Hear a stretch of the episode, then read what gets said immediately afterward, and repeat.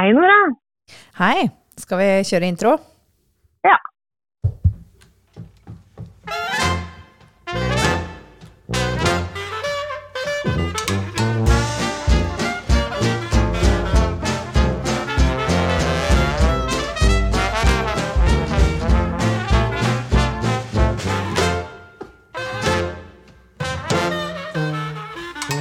Velkommen til vår podkast. Jeg heter Nora. Og jeg heter Karoline, og dette er Gåter fra fortiden. Jeg har jo en annen podkast hvor jeg og Heidi snakker om sandkrim hver lørdag. Og der får vi mange tips, og der er det vel flere som har sagt at de ønsker seg akkurat denne saken. Men som jo, både jeg og Heidi egentlig tenker passer litt bedre i gåteformatet vårt. Så her kommer ja. den.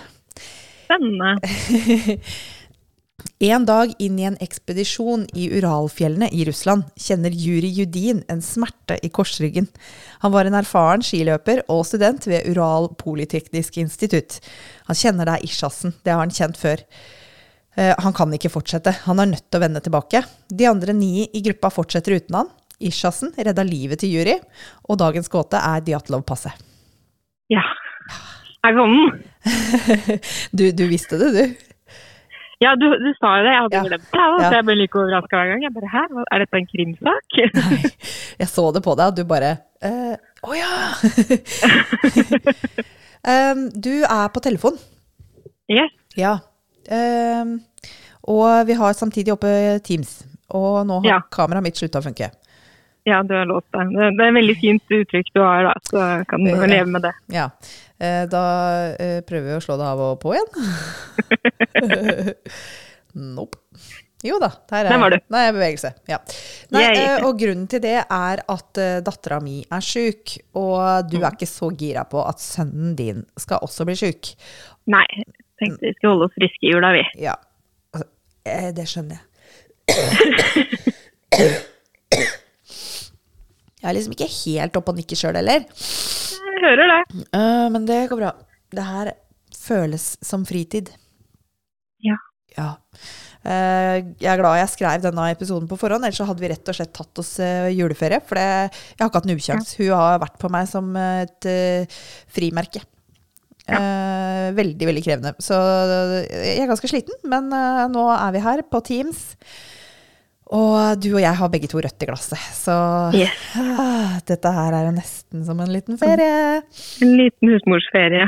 Ja, så jeg skal prøve å fikse lyden eh, som best jeg bare kan. Eh, Karoline er jo på telefon, så hun har jo ikke eh, noe sånn supermikk. Eh, men det får, dere får bare holde ut. Det er jeg som skal fortelle, og Karoline kan eh, kommentere. Ja. Ja. Jeg tror kommentere minst mulig, så dere slipper å høre så mye dårlig lyd, vet du. ja, hvis du bare er helt stille. Nei da. Formatet er jo at vi skal snakke litt sammen, men, men, eh, men. men. Det, det får bare Folk får bare holde ut. Det blir episode. Og alternativet var at ikke det blei det. Ja, og det blir episode. En juleepisode. Ja. Um, hva kan du om denne saken? Uh, ja, kan og kan. Jeg har sett eh, hvert et par dokumentarer, og så har jeg hørt en annen podkast med saken. Ja. Så jo da, jeg kan sikkert litt. Og så må jeg jo si at eh, alt av det jeg har hørt, avviker jo fra hverandre. Så Ja, ja. her er det nok mye teorisering. Veldig. Og det er, det er Jeg har lest uh, ulike artikler og hørt på podkaster og funnet ut at det er mange som vektlegger ulike ting. Så det er Ja. liksom noen som på en måte forteller at eh, eh, i denne gruppa så var han skada sånn, og han var skada sånn, men uten å nevne navn. Og i andre så går de på en måte nøye gjennom hva det var. Og i andre så sier de liksom ja, nei, de hadde ingen ytre skader. Men de hadde jo det, liksom. Nei, så det, det som du sier, det er veldig mye forskjellig informasjon ute og går. Ja. Jeg har jo gjort så godt jeg kan. Eh, Det blir jo ikke bra nok. Fordi vi skal jo ikke snakke om dette her til julaften, på en måte. Altså nå spiller vi en bitte lille julaften. Ja, Vi skal ikke snakke om dette her i tre døgn. Sånn at det Nei, blir jo for det litt kunne vi sikkert ha gjort. Det kunne vi gjort. Vi kunne hatt en podkast om bare det her, faktisk.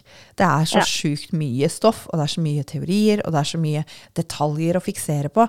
Eh, Sånn at det her blir på en måte bare å skumme fløten, egentlig. Ja. Eh, Det skal jeg bare innrømme med en gang. Ja, men det blir spennende. Um, først så vil jeg bare si takk til de som sendte inn tips, sjøl om det riktignok ikke var til oss, men vi kuppa det tipset. Um, jeg veit det var flere, men jeg er jo ærlig talt litt dårlig på å notere ned navn, da. Men det var i hvert fall Emilia. Uh, og så beklager jeg at ikke jeg husker deg hvis det var flere. Men tusen takk for at dere sendte inn tips. Dere kan også sende inn tips til gåter fra fortiden. Vi er veldig åpne for det. Ja. Så, Karoline.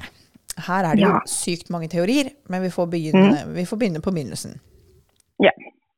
23 år gamle Igor Djatlov han samler en gruppe til en ekspedisjon til Otorten. Otorten? Otorten? Eh, I hvert fall en fjelltopp i Uralfjellene. Og det her er jo i Russland. Og det er jo, jeg tror året var ja, 1959, så det er jo i Sovjet, faktisk. Ja. Um, det var først etter hendelsen at dette området blir hetende Djatlovpasset. Og det er jo oppkalt etter Igor. Det het jo ikke det da. Nei. Alle er erfarne med å gå tur i, i fjellet, og han sier til skolens sportslag at de skal sende et telegram med det samme de er tilbake. Um, Grunnen til at han gjør det, det kom ikke fram i den, den artikkelen jeg på en måte leste når jeg skrev det her, men jeg hørte det seinere i en podkast, for det er jo forskjellig hva man legger vekt på. Men grunnen til at måte, de skulle sende telegram til sportslaget, og alt mulig sånt, er fordi at de hadde fått turen finansiert.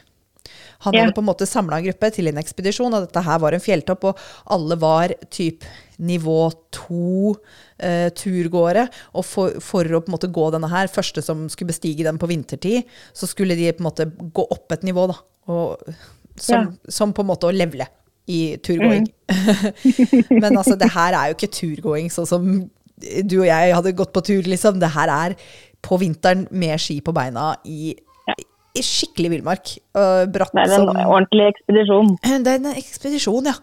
Um, Som de da har fått uh, på en måte midler til å utføre. Mm. Ja, Så han, uh, Igor er gira på dette. Han er initiativtakeren. Og uh, han samler da på en måte en, en gruppe. Han, er, han er jo student da ved Ural Politeknisk institutt, i likhet med alle turgåerne. Alle er studenter der. Um, Og de, de er jo unge, ikke sant. Men overalt så legger de veldig vekt på at alle er erfarne med å gå i fjellet. For alle er på en måte det nivå to, da, som jeg sa. Men nå husker jeg ikke om de skulle opp til nivå tre, eller om én er best, det husker jeg ikke. Men, men alle er på en måte på samme nivå. De er veldig erfarne med å gå i fjellet. Mm. Uh, og Igor han var veldig populær å gå tur med, så alle på en måte ville være med. Uh, Ja. Men han samler da ni medstudenter til ekspedisjonen. Ja. Eh, og dette her er i januar i 1959. Så det her Januar, det hørtes sutrig ut. Ja. Ruta de skulle gå var klassifisert som den vanskeligste. De skulle gi seg sjøl en skikkelig utfordring. Og de tar da toget mot eh, fjellet. De er åtte menn og to kvinner. Og det her er eh, ikke kødd engang. De tar først tog, så buss, så hest og slede. Før de fortsetter med ski. Ja. Så det er liksom Det er flere døgn før de kommer til der de skal begynne å gå. Allerede på dag én så kjenner jo Juri, da, som jeg nevnte i introen, at han har vondt i ryggen. Uh, så Men det Altså, allerede på dag én, ja. Men, men det var dag én av ekspedisjonen. Så han blei med på Jeg tror han blei med både på tog og buss og hesten. Ja. Og så kjenner han, veit du hva det, Jeg kommer bare til å sinke dere. Så jeg er nødt Det var en hel dag på ski, og så bare nei, forresten. Typ, ja. Men de ni andre fortsetter. De tar mange bilder og skriver dagbøker underveis, så vi veit ganske mye om turen deres. De har da en felles dagbok for det her, at de har jo fått finansiering for å gjøre det, så det er viktig at de dokumenterer. Ikke sant? Eh, Det viser eh, den eh, dagboka og, og sånt nå, viser jo at turen fortsatte som forventa, uten komplikasjoner. Det er bare veldig, veldig mye snø, og det er et veldig hardt klima som er å vente, for dette her er jo faktisk Sibirfjellene. Ja. Ja. Der er det hustrig, ja. Det er kaldt. Ja, og- hustrig. Og januar. Ja. Hustrig, det er ordet mitt for i dag. Hustrig. Ja, jeg liker det. Jeg liker det. Men altså, hallo, januar Ja, jeg skjønner vi ikke pusher noen grenser og har en ekspedisjon, men Morten har liksom Sibirfjellene i januar. Du, du og jeg er ikke nagla sånn, vet du. Vi hadde ikke Nei. blitt pirra av den ideen i det hele tatt. Jeg går nesten ikke ut i januar engang. Jeg er her på Nei, jeg, jeg ser du har på deg en fin julepysj eh, for anledningen. Du sa du ikke hadde vært ute av huset en gang i dag. Nei! altså, det er kaldt. Ja, ikke sant. Det er faktisk ikke så kaldt i, i dag. Eh, Det, det regna i stad. Ja. Ja. Men det er svinglatt. Gå forsiktig, folkens. Um, Mm. I hvert fall. Når de begynner på stigningen opp fjellet, så dumper de overflødig bagasje som ekstra mat og sånn i bånn, for å gjøre oppturen enklere. De slår leir noen hundre meter fra toppen. Altså det Ja. Altså, de går jo Jeg tror de går i flere dager. Nå har jeg jo ikke notert det, hvor lenge de går før på en måte den siste leiren. Skikkelig dust av meg. Men eh, det her er ikke første dag, da, for å si det sånn. Nei, dag tre, kan det stemme? Det kan godt stemme, for jeg veit den først slo leir eh, før på en måte den bratteste toppen. Og så dagen etter da, når de skulle gå videre, så gikk det ikke veldig langt før de slo leir igjen. Og det er eh, eh, et pussig sted å slå leir, men det kommer vi tilbake til. Ja. Eh, De har veldig mange bilder, og det viser godt påkledde mennesker i svart-hvitt med store ryggsekker på ski. Og det er helt hvitt på bakken, og det er helt hvitt rundt de. Så det ser ut som det er snø i lufta. Det ser veldig forblåst ut, eller hustrig, fordi bakgrunnen er jo helt hvit. Så de har dårlig sikt, og de må slå leir. Eh, De kunne nå ha gått litt tilbake for å ha le blant trærne litt lenger ned, eller så klart fortsatt opp, fordi de er jo ikke langt fra toppen. Men de slår altså leir der i skrenten, noen hundre meter fra toppen. Eh, På lokale urspråket så heter dette fjellet Dødens fjell. Ja. Det er trivelig. Det, det har jeg hørt. Jeg bare Ja, dit skal vi gå. Dit skal vi gå. Eh, De burde jo være tilbake da sånn 12. februar, men det kan fort bli forsinkelser på sånne ekspedisjoner, så det var ingen bekymring før 20. februar passerte, og fortsatt ingen hadde hørt fra gruppa. Så noen frivillige fra skolen de studerer, både lærere og studenter, setter i gang en leiteaksjon. De finner leirstedet til gruppa 26. februar, og her ser de at eh, noe har gått galt. Og dette er også dokumentert i bilder. Det er veldig mye å se, som, og det deler jeg jo som vanlig på Facebook og Instagram. Så da, for å se de, så søker dere bare opp gåter fra fortiden. Og husk to a-er i stedet for å hvis du er på Instagram. Eh, teltet deres er dekt av et tynt lag med snø. Mm. Jeg ble andpusten, for jeg er så tett. Eh, eiendelene til gruppa var inne i teltet, og skia sto pent på utsida. De sto oppreist, altså. Eh, men De hadde tatt, gått inn for kvelden, liksom. ja, ja. Men teltduken hadde blitt skåret opp fra innsida med kniv. Og fra teltet så kan de telle ni sett med fotavtrykk på vei bort. Og det ser ut som de har gått derfra barbeint. Og skoa står inne i teltet. Og fotspora vi, viser på en måte Det virker som de har gått fra teltet, ikke løpt. Så til alle Oi. som roper snøskred til eh, Spotify nå, eh, så sto skia eh, pent i en sirkel rundt teltet, oppreist. Ja. Ja. Og der, der har jeg også kommet over litt informasjon i forhold til en snøskred. For det, eh, en av de dokumentarene jeg så, eh, forkasta den pga. at skråninga ikke var bratt nok. Stemmer det i forhold til den undersøkelsen du har gjort eller? ja, eh, det er fortsatt teori om snøskred, men ikke et vanlig snøskred. En Nei, såkalt ja. plateutglidning. Ja. Hvis du ok, ser for deg på en mm. måte bare hele skorpa på snøen, bare vosj. Ja. Men litt mer roligere. Ikke sånn derre stor sånn Men da hadde de jo løpt, da. Skulle jo tro det. Ja, det vil jeg tro. Leitemannskapene følger fotsporene nedover mot trærne, og de kunne følge de i ca. en halv kilometer før de ble borte under snøen. De bare fortsetter i samme retning, og der, under et stort tre, finner de restene av et bål og de to første lika. Det er Juri Dorosjenko, 23 år, og Juri Krivonosjenko, 21 år. De har på seg lette skjorter, undertøy og sokker, til tross for at det var minus 30 grader. Ja. Skjønner at de Grantreet tente bål. ja, grantreet de ble funnet under, hadde tegn på skader, som om noen hadde klatra i det, med brekte greiner så høyt som fem meter opp. Hadde de prøvd å klatre opp for å få et overblikk? Hadde de gått seg bort? Juri Dorosjenko hadde en brunlilla nyanse i huden, noe grått skum på kinnet og noe grå væske inni munnen. Og begge juryene under treet hadde oppskrapte hender, og greinene på treet over de var jo knekt. Så hadde de prøvd å komme seg unna noe? Eller noen? Mm. Eh, I tillegg, eh, det har jeg jo ikke skrevet, men det hørte jeg etter at jeg hadde skrevet saken, eh, så hadde de eh, brannsår. Jeg tror både hender og fjes. Altså Da, eh, Ja. da er prøvd å sette seg inni bålet, da. Ja, for det er jo kanskje det, da. Når du er 30 blå, og du er tynnkledd, at du prøver å varme deg, og du er så nummen at du rett og slett bare brenner. Ja, det det syns jeg på en måte er en naturlig forklaring. Ja, men Ja. eh, hvorfor har du prøvd å klatre i trærne? Nei, jeg veit ikke. De neste tre kroppene fant de på ulike steder mellom teltet og treet, dekt av noen centimeter med snø. En av de tre var Igor Djatlov. Eh, han var 23, og han var jo lagkapteinen. Mm. Den andre var eh, Sinaida Kolmogorova. Hun var 22 år. Hun hadde et blåmerke på størrelse med et balltre i sida og blåveiser. Hun hadde også på seg flere lager med klær. Hadde hun kanskje kledd av sine falne kamerater og tatt klærne deres? Mm. Den tredje var Rustem Slobodin. Han var 23 år. Han hadde hodeskader som indikerte at han hadde falt og slått seg om og om igjen. De var litt bedre kledd enn de andre, men ikke så mye, fordi de, de, også de mangler eh, støvler, hatter og hansker. Eh, dessuten så hadde de også på seg hverandres klær. Som om liksom kanskje på vei ut av teltet at de bare grabba det nærmeste de fant og raska av gårde i hast. Ja. El- Eller selvfølgelig at de er kledd av de som var dødd. De ligger alle mot retningen av teltet, som om de prøvde å komme seg tilbake. Mm. Omstendighetene er jo veldig merkelige. Ja. Hvorfor er de ikke i teltet?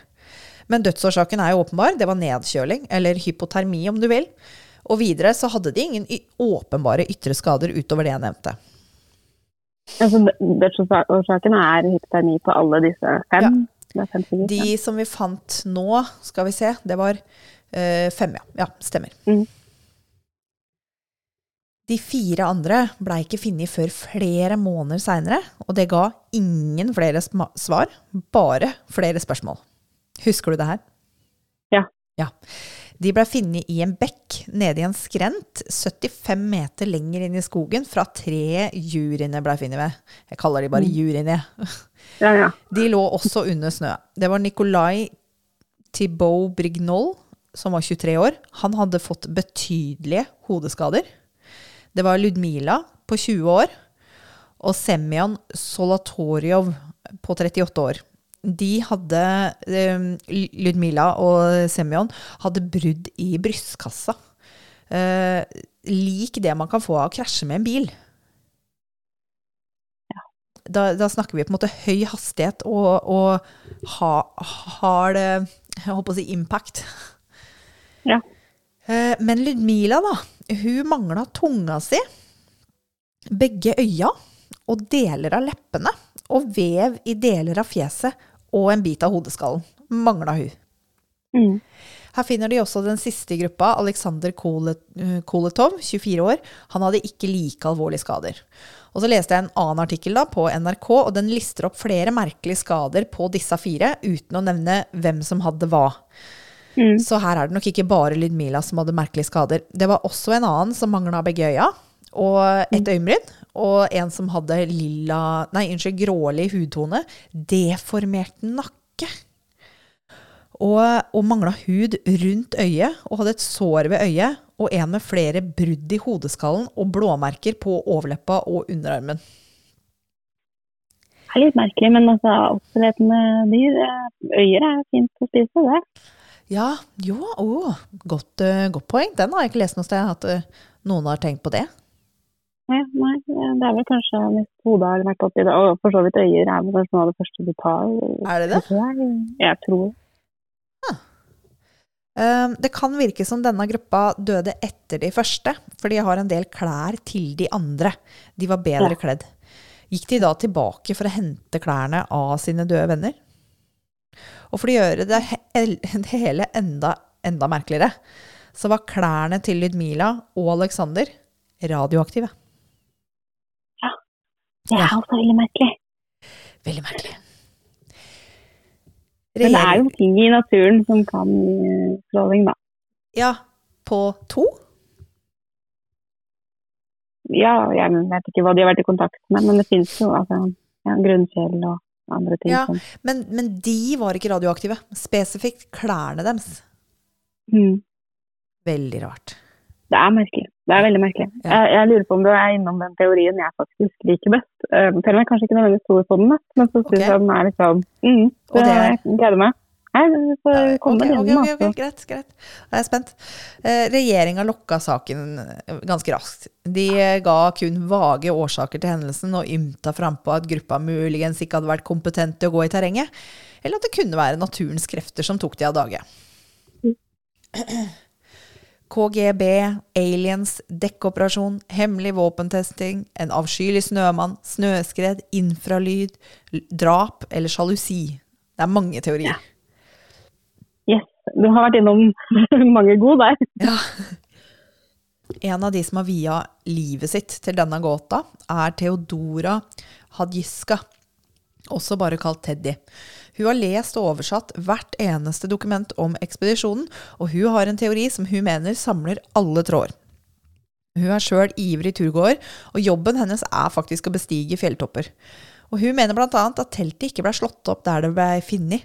Det er jo merkelig, ikke sant? De campa for natta, og så går de bare en kort bit før de slår opp teltet igjen. Teddy har sjøl stått der i det bratte terrenget og kjent vinden ule, og hun ser ingen logisk grunn til at de skulle slå leir akkurat der. Eh, Andre aksepterer dette med begrunnelsen at de blei værfaste, og at de ikke fikk gått videre, sjøl om fjelltoppen var på en måte rett der. Men været der er brutalt, sjøl når ikke det stormer.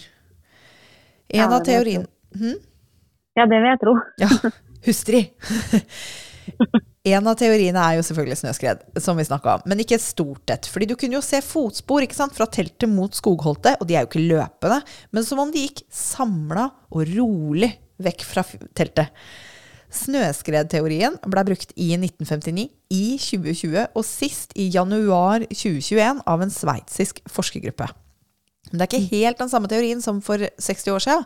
Over 60 år siden. For vi snakker ikke da om et vanlig snøskred, men en snøplateutglidning som kan treffe mer lokalt, eller har et smalere utslag. I en artikkel på nrk.no som jeg leste om hendelsen, så nevner de Dieter Isler, som har jobba med snøskred for Norges geotekniske institutt, noe han har gjort i over 30 år. Han har eh, faktisk vært kontroller for den sveitsiske gruppa, en sånn uavhengig part som har sett på deres funn. Og han mener at sveitserne kan ha kommet med en nøktern vurdering av noe som kan ha skjedd. At store snøplater har glidd ned og truffet teltet mens gruppa var inni. Og det kan jo forklare hvorfor de brukte kniv for å komme seg ut. Og hvorfor de åpenbart sleit med å finne nok klær, og sine egne klær. Men resten av mysteriet prøver jo ikke sveitserne å svare på. Så det er på en måte bare et halvt svar. Eh, Ja. Dieter sier det er bevist at sånne skred kan gå der, men det som skjedde etterpå, er jo fortsatt uklart. Og hun Teddy, som jeg nevnte i stad, hun kan også vedgå at dette kan ha skjedd, men hun syns ikke det forklarer mye. Jeg er jo enig, da. Og Ja. hun peker dessuten på de rolige fotspora. Og Ja, de det, det gir jo ikke mening. Nei, nei. Og så går de rett i løypa hvor et nytt sånt skred visstnok skulle ha skjedd. Ok, Og ja. Altså når de fant teltet, så var det dekt av et tynt lag snø. ja, for det, det hadde jo vært mer snø der. Hadde det ja. ikke det, da? Eller en Jo, sånn snøplateutglidning. Kan en snøplate bare surfe over teltet? Fortsette videre. Jo, det kan jo hende. Men hva med skiene? De sto jo oppreist! Ja, de sto oppreist. Jeg tenker liksom eh, nei. Nei. Eh, Men For, jeg har også hørt at teltet har blitt slått opp feil, og det er det som backer den teorien om at teltet ikke sto der eh, opprinnelig. yes, det er For de visste jo hvordan de slo opp sitt eget telt. Ja. Å ja, å, at det er slått opp feil, ja. Ja, Ah, det leste jeg ikke, men Teddy mener også at noen har flytta teltet. Ja. Eh, for å kaste bensin på konspirasjonsbålet, da, så har flere hevda å sett merkelig lysfenomen på himmelen rundt 1. og 2. februar i 1959. ja. Ja, et vitne forteller om et ekstremt lys fra en rakett eller noe lignende. Og en av de fire siste som ble funnet, hadde et kamera om halsen, for de dokumenterte jo, ikke sant?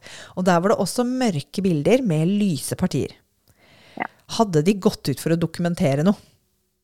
Altså, de mm. bildene er sykt merkelige. Det ser i hvert fall ut som noe som flyr. Er det Ja. våpentesting? Er det rakettoppskyting? Er det ufo? Eller er det bare noe feil med filmen? Eller er det noe feil med filmen? Lunefull teknologi i 1959. Ja, og ja, Ja. er klart. Eh, Jeg kan jo nevne at mannen min er fotograf, og han kjøper ikke sånne bilder med lysende eh, kuler på. Nei, jeg gjør ikke det sjøl. Alt kan redigeres. Absolutt alt. Ja. Jeg driter om det er film eller om det er digitalt. Alt kan redigeres. Saken blir tatt opp igjen av russiske myndigheter, og flere hemmelighetsstempla dokumenter kommer fram. Og etterforskningslederen innrømmer i 2020 at det var en rakettoppskyting den 2. februar som endte i en ulykke, men at detaljene rundt denne er hemmelighetsstempla. Og de sier Ja. den har ingenting med denne hendelsen å gjøre, fordi raketten fløy i en annen retning, mot Kasakhstan. Jeg skjønner. Ja. Mm, så hadde ikke noe med dette å gjøre. Å nei. Men altså, det er jo ikke alle som kjøper det. Uh, meg sjøl inkludert, som dere kanskje hører. Uh, for det forklarer jo fint da hvorfor noen av de er radioaktive. At de har vært utsatt for noe sånt. Og for ikke å snakke om at de, de hadde skader som ligna bilulykke. Ja. Det var ikke noe sted å dette ned. Og det er sånn det mange sier, at de har tryna. det var ikke noe sted å dette ned! Hvis du kunne ha dette ned for en skrent, så ja, da kunne du kanskje fått kollisjonsskader. Men det var ikke noe sted å dette ned. Nei. Nei.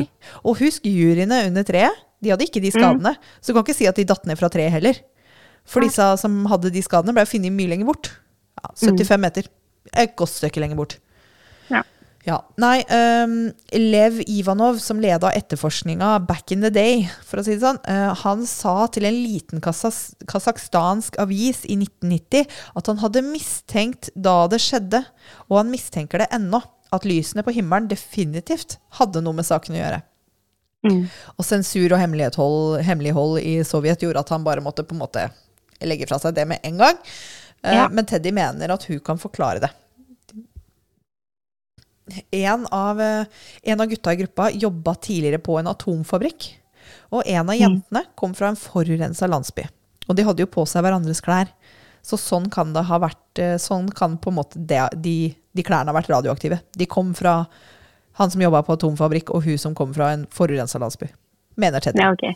Ja. Jeg veit ikke.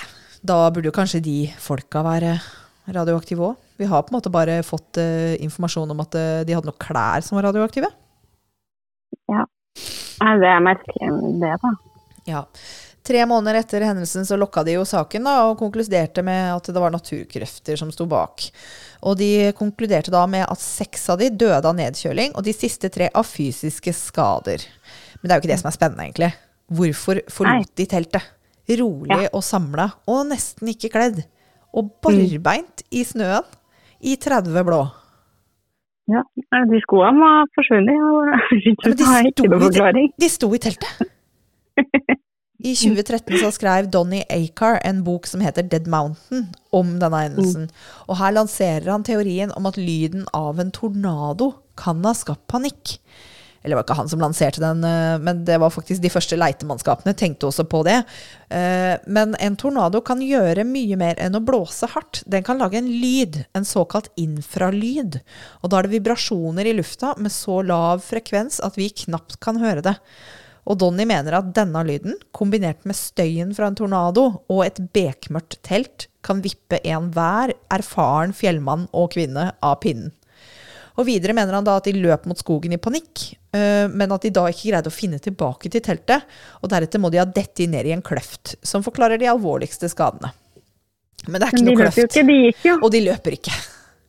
Men, og, og en annen ting, er tornado et vanlig værfenomen i Sibir? det, altså, den, den, den er på en måte Akkurat det med tornadoen og lyden er øhm, akseptert av flere, da.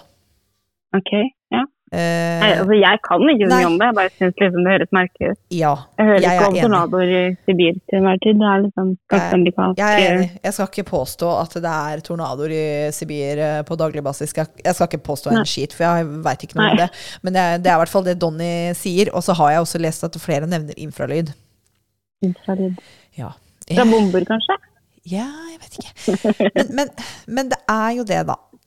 De skjærer seg ut av teltet. De tar seg ikke tid til å åpne den glidelåsen, men så går de. Og det skjønner jeg ingenting av. Uh, Teddy er ikke enig, selvfølgelig. Hun mener at hvis de flytta i panikk, så ville de vel løpt hver sin retning. Og dessuten så viser jo fotspora at de gikk rolig og samla. Og det var ingen steder de kunne dette ned. Og så var det jo et spor av bål ved det treet. Frøys de i hjel ved bålet da, eller? Sier Teddy.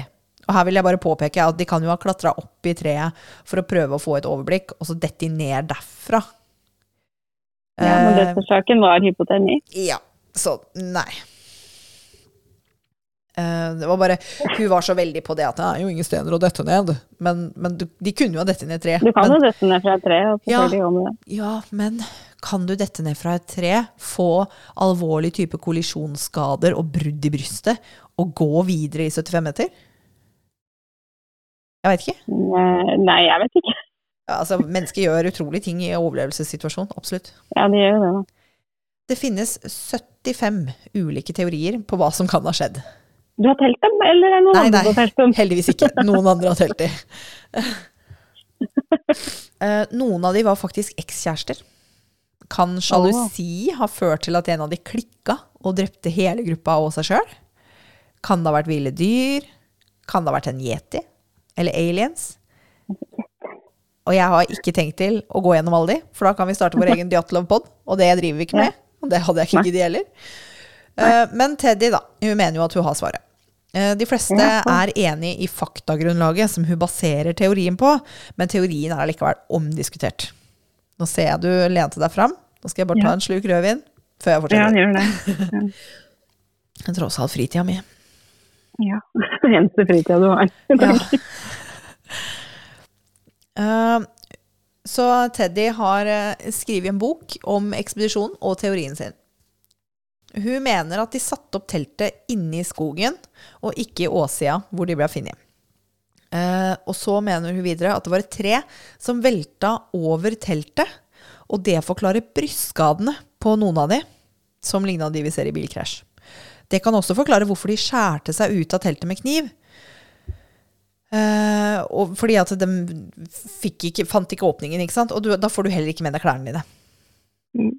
Eh, og så greide de ikke å hjelpe de som var skada, og går mot en åskam. Over den åskammen er det mye helikoptertrafikk, for det pågår leiting etter uran i området. Og da fryser de i hjel på jakt etter hjelp, mener hun.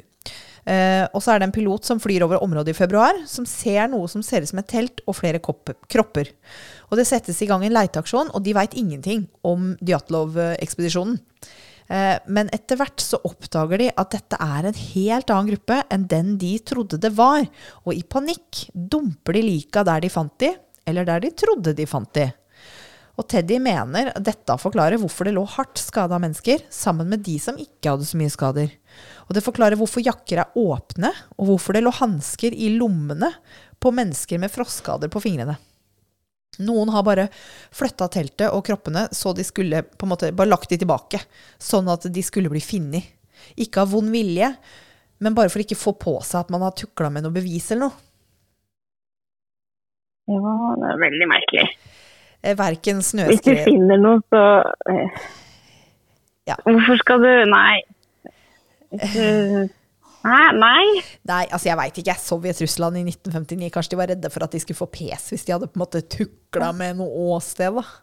Jeg vet Hvis du leter etter uran i området, så forklarer jo det radioaktive klær. klær. -hmm. Men eh, verken snøskredekspert Dieter eller russisk sosiolog Dmitrij Kurakin, som har forska på hendelsen og hvorfor akkurat denne er grobunn for konspirasjonsteorier, de kjøper ikke teorien til Teddy. De mener at om dette var tilfellet, så ville vel noen ha snakka nå. Det er gått så mange år. Ja, ja, det Og hele verden åpenhet, river seg i Mm. håret. Ja. Noen vil vel si noe. Ja. Ja, men det er egentlig det. For det, Det det, ja. mer er ikke å si. Hvor lenge kommer vi ikke? Uh, Juri Judin, han som måtte vende om, sa til St. Petersburg Times i 2008 at hvis han fikk muligheten til å stille Gud et eneste spørsmål, så ville det vært hva skjedde egentlig med vennene mine den kvelden? Juri døde av alderdom i 2013, og han var 75 år. Hva var teorien din? Nei, altså, du var jo inne på den, det med en bombe og en dekkoperasjon. Eh, For det som du var inne på, det er jo bekrefta at de drev med litt eh, prøveskyting og testing av nye bomber og sånn. Mm. Eh, så den teorien jeg dumpa innom, jeg har jo ikke researcha den, så her blir det jo bare Dere må bare tro på det. Da. Ja, ja.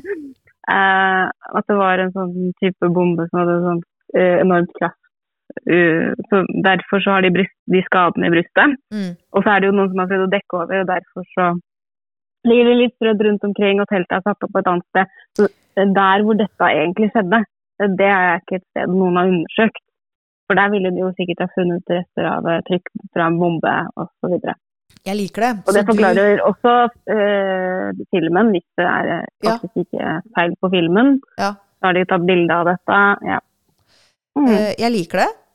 For det her gifter du på en måte elementer av teorien til Teddy og eksperimentering med rakettoppskyting, som jeg på en måte også har litt trua på. Mm. Det er bare så veldig spesielle skader, og jeg tenker at det, det kan man jo kanskje få av noen sånn syke våpen som ikke jeg kan noe om. Ja, det er også åtseldyr og altså, det er mange ting Ja. som kan ha vært innom her. Ja. Så det er Ja. sikkert ikke så veldig mystisk. Nei, nei, nei, nei, nei. Du husker Tamam Shud? Ja. Var dritkjedelig. Herregud, for en nedtur. Hvis vi får svaret, så blir det sikkert veldig Det blir sikkert veldig antiklimaks hvis vi noen gang får svaret. Ja. Her også. Ja, ja, ja. ja, ja. Som Voynich. ja. Nei, altså uh, Det er veldig, veldig merkelig sak. Jeg uh, kjenner jo når, i retrospekt, når jeg har lest episoden min, at uh, jeg har jo virkelig bare gått i overflaten. Det er veldig, veldig mye å si.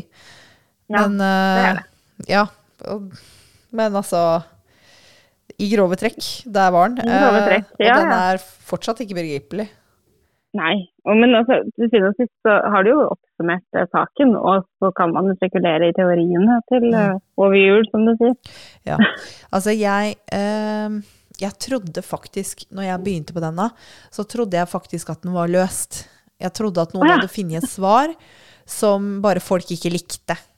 Jeg trodde det var på en måte etablert at ja, det var et snøskred. Selvfølgelig. Det er derfor greinene er brekt så langt opp. Men det er jo ikke det. Det kan jo ikke være det. Og så tenkte jeg at det, altså jeg tenkte når jeg begynte å lese, at jeg, jeg trodde jeg visste at det var et snøskred. Og at det liksom du gikk inn med de ja, øynene, ja, ja, ja. Og så de som hadde kollisjonsskader i brystet. Jeg bare, ja, selvfølgelig. De har blitt tumla rundt av masse snø. Uh, men det er Men da, ikke sikkert, Da ser du jo ikke fotspor.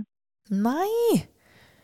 Og, Ja, og, og fotsporene i min teori er jo forklart ved at det er noen andre som har uh, lagd dem. ja, For uh, ja, ja, ja. Ja, men. Jo, men da ville du vel sett uh, at det gikk begge veier? Ja, det er sant. Ja, de fløy. Nei da, jeg vet ikke. Nei, men kan, altså, man kan jo gå baklengs. Ja. Men det var ni Nei, sett ja. med fotspor bort fra teltet. Og det, det er bare det jeg hefter meg, med, meg ved. Eh, I tillegg til at folk mangler øyer og sånn, som jeg bare syns er helt utrolig merkelig. Men du hadde jo en veldig god, eh, godt svar på det, Jeg, egentlig. jeg henger meg ikke så opp i det. Nei, jeg, jeg jeg bare liksom, syns skadene er så sjukt merkelige, da. Men det jeg virkelig henger meg opp i, er at teltet ble kutta opp med kniv, men så gikk de rolig. I hvilken Mm. situasjon skjærer du opp en teltduk og, og går rolig vekk? Uten klær? Altså, ja, jeg skjønner Ja, men- det hvis du løper uten klær i panikk, ikke sant? Infralyd, å, oh, du blir gæren. Løper. Mhm, Men nei, de gikk ut derfra som noen jævla zombier. Ja, de gjorde det. Så det er jo en uh, merkelig sak. Herregud. Du, skal jeg sette opp en sånn avstemning på Spotify? Ja, Ok, da, da, da, da kaller vi det for uh, uh, hvilken teori du tror på. Og da kan vi Ja. godt ha et alternativ, kan være Karolines teori. Den ja, var bra. Uh, et alternativ Er din teori, holdt jeg på å si, eller Teddy sin? jeg, jeg har jo ikke noen teori. Ja, Teddys teori. Ja. Du har jo, hvor Eh, mange var det du sa det var? Altså, det er 75. Men vi må bare ta noen Vi tar fem alternativer, da. Så Karolines teori, Teddys teori, aliens. Ja. Yeti. Yeti. Yeti. Det er jo eh, finnes jo mange dokumentasjoner i Du skjønner hva jeg mener? Ja, ja, ja. Hun, hun eh, tok det i gåsetegn. I gåsetegn, takk. Ja. Eh, for at gjetter er eh, i det området. Ja. Eh, og den eh, femte kan vel bare være natur, naturlige årsaker. Snøskred og hypotermi. Ja, da la jeg den, eh, da jeg den avstemninga stå åpen i eh, to uker. Så kan Ja. vi jo eh, se resultatet etter hvert. Det blir spennende. Og så må dere jo gjerne bare kommentere både her og der hvis dere har noen andre tanker. Ja, det må vi også få. Ja. Hvis dere har en helt ny teori. Ja. Eller den trenger ikke være helt ny, altså. Nei, nei, men det kan være noe annet. Jeg minner om at vi skal eh, Siden Karoline nevner vi har sagt det før, eh, minner om at vi skal være med på Drammen podkastfestival. Eh, litt usikker på hvilken dag. Var det 19. januar? Ja, ja var, var det ikke det? Jeg tror det var 19. sendt det januar. Ja, Jeg jeg, tror det var finne i det. 19. januar. Uh, nå er jo på en måte ikke egentlig programmet offentliggjort, uh, sånn at vi deler jo arrangementet når det dukker opp på Facebook. Så får dere gå inn og like oss der. Og så hadde det vært veldig veldig hyggelig om vi får noen publikummere. Og hvis det skulle friste, så skal jo vi på en måte varme opp da for Hold pusten. Ja. Så hvis man på en måte har lyst til å se Hold pusten, kan du like så godt møte en time før. Ja, 19. Eh, er vi foreløpig. 19. Ja. Det du har sendt til meg. Ja, ikke sant. 19. januar. Uh, hva skal vi snakke om? Aner ikke. Send gjerne tips. Send. send, tips. Send tips. Det kan godt være en litt større sak, for da kan vi ta den sammen. Mm. Eller hvis det er en mindre sak, så kan vi ta en hver. Ja. Dette det må blei vi ja. sikre etter hvert. Veien blir til mens vi går. Ja, sånn er det med vår pod. Ja. Det er, uh, var jo gøy, da. Jeg hører at eh, hun er skikkelig misfornøyd, hun nede. Ja, Hun får runde av. Ja. Um, da fikk dere litt å gruble på, folkens. Ja, og god jul. Og god jul, da!